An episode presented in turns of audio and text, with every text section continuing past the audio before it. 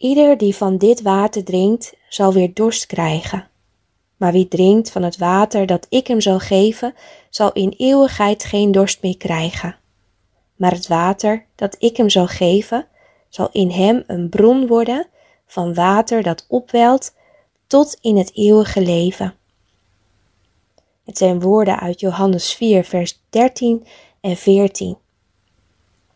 Heb je wel eens vreselijke dorst gehad? Dorst is iets vreselijks en een mens krijgt al gauw dorst. Wij kunnen veel dagen zonder eten, maar slechts drie dagen zonder drinken. Ons lichaam is erg afhankelijk van vocht. Het vochtgehalte van ons lijf moet telkens weer worden aangevuld, anders sterven we. De Samaritaanse vrouw heeft ook dorst.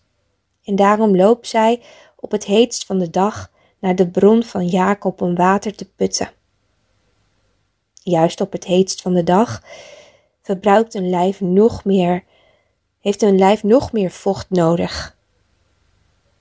Hoe bijzonder is het dat Jezus op dat moment ook daar is. Hij zit op haar te wachten. Hij pelt haar hart. Hij ziet de leegte in haar leven en spreekt haar aan. Ze snakt naar zijn liefde. Zij dorst naar zijn genade. Zij heeft het levende water nodig dat alleen hij kan geven. En daarom maakt hij zichzelf stap voor stap aan haar bekend. Hij opent haar ogen voor wie zij is en hij opent haar ogen voor wie hij is. Je zult je afvragen: wat is het water waarvan je in eeuwigheid geen dorst meer krijgt? Wat is het water dat een bron van eeuwig leven in je wordt? Dat is de Heilige Geest.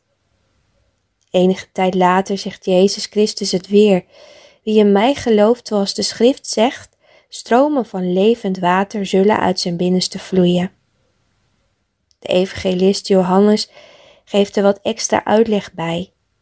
Jezus doelde op Gods geest, die op dat moment nog niet was uitgestort. Je kunt dit lezen in Johannes 7, vers 39. Als de geest van God eenmaal in je hart gaat wonen en je wordt wedergeboren, dan komt er een stroom van levend water op gang in je leven. Een stroom die niet te stoppen is. Christenen worden van binnenuit veranderd en vernieuwd, omdat Gods geest hun geestelijke dorst heeft gelest. En zo, broers en zussen, dat water, wat de Heilige Geest is, hij wil onze leegte voor altijd vullen, met vrede, met vreugde en met echte waarheid.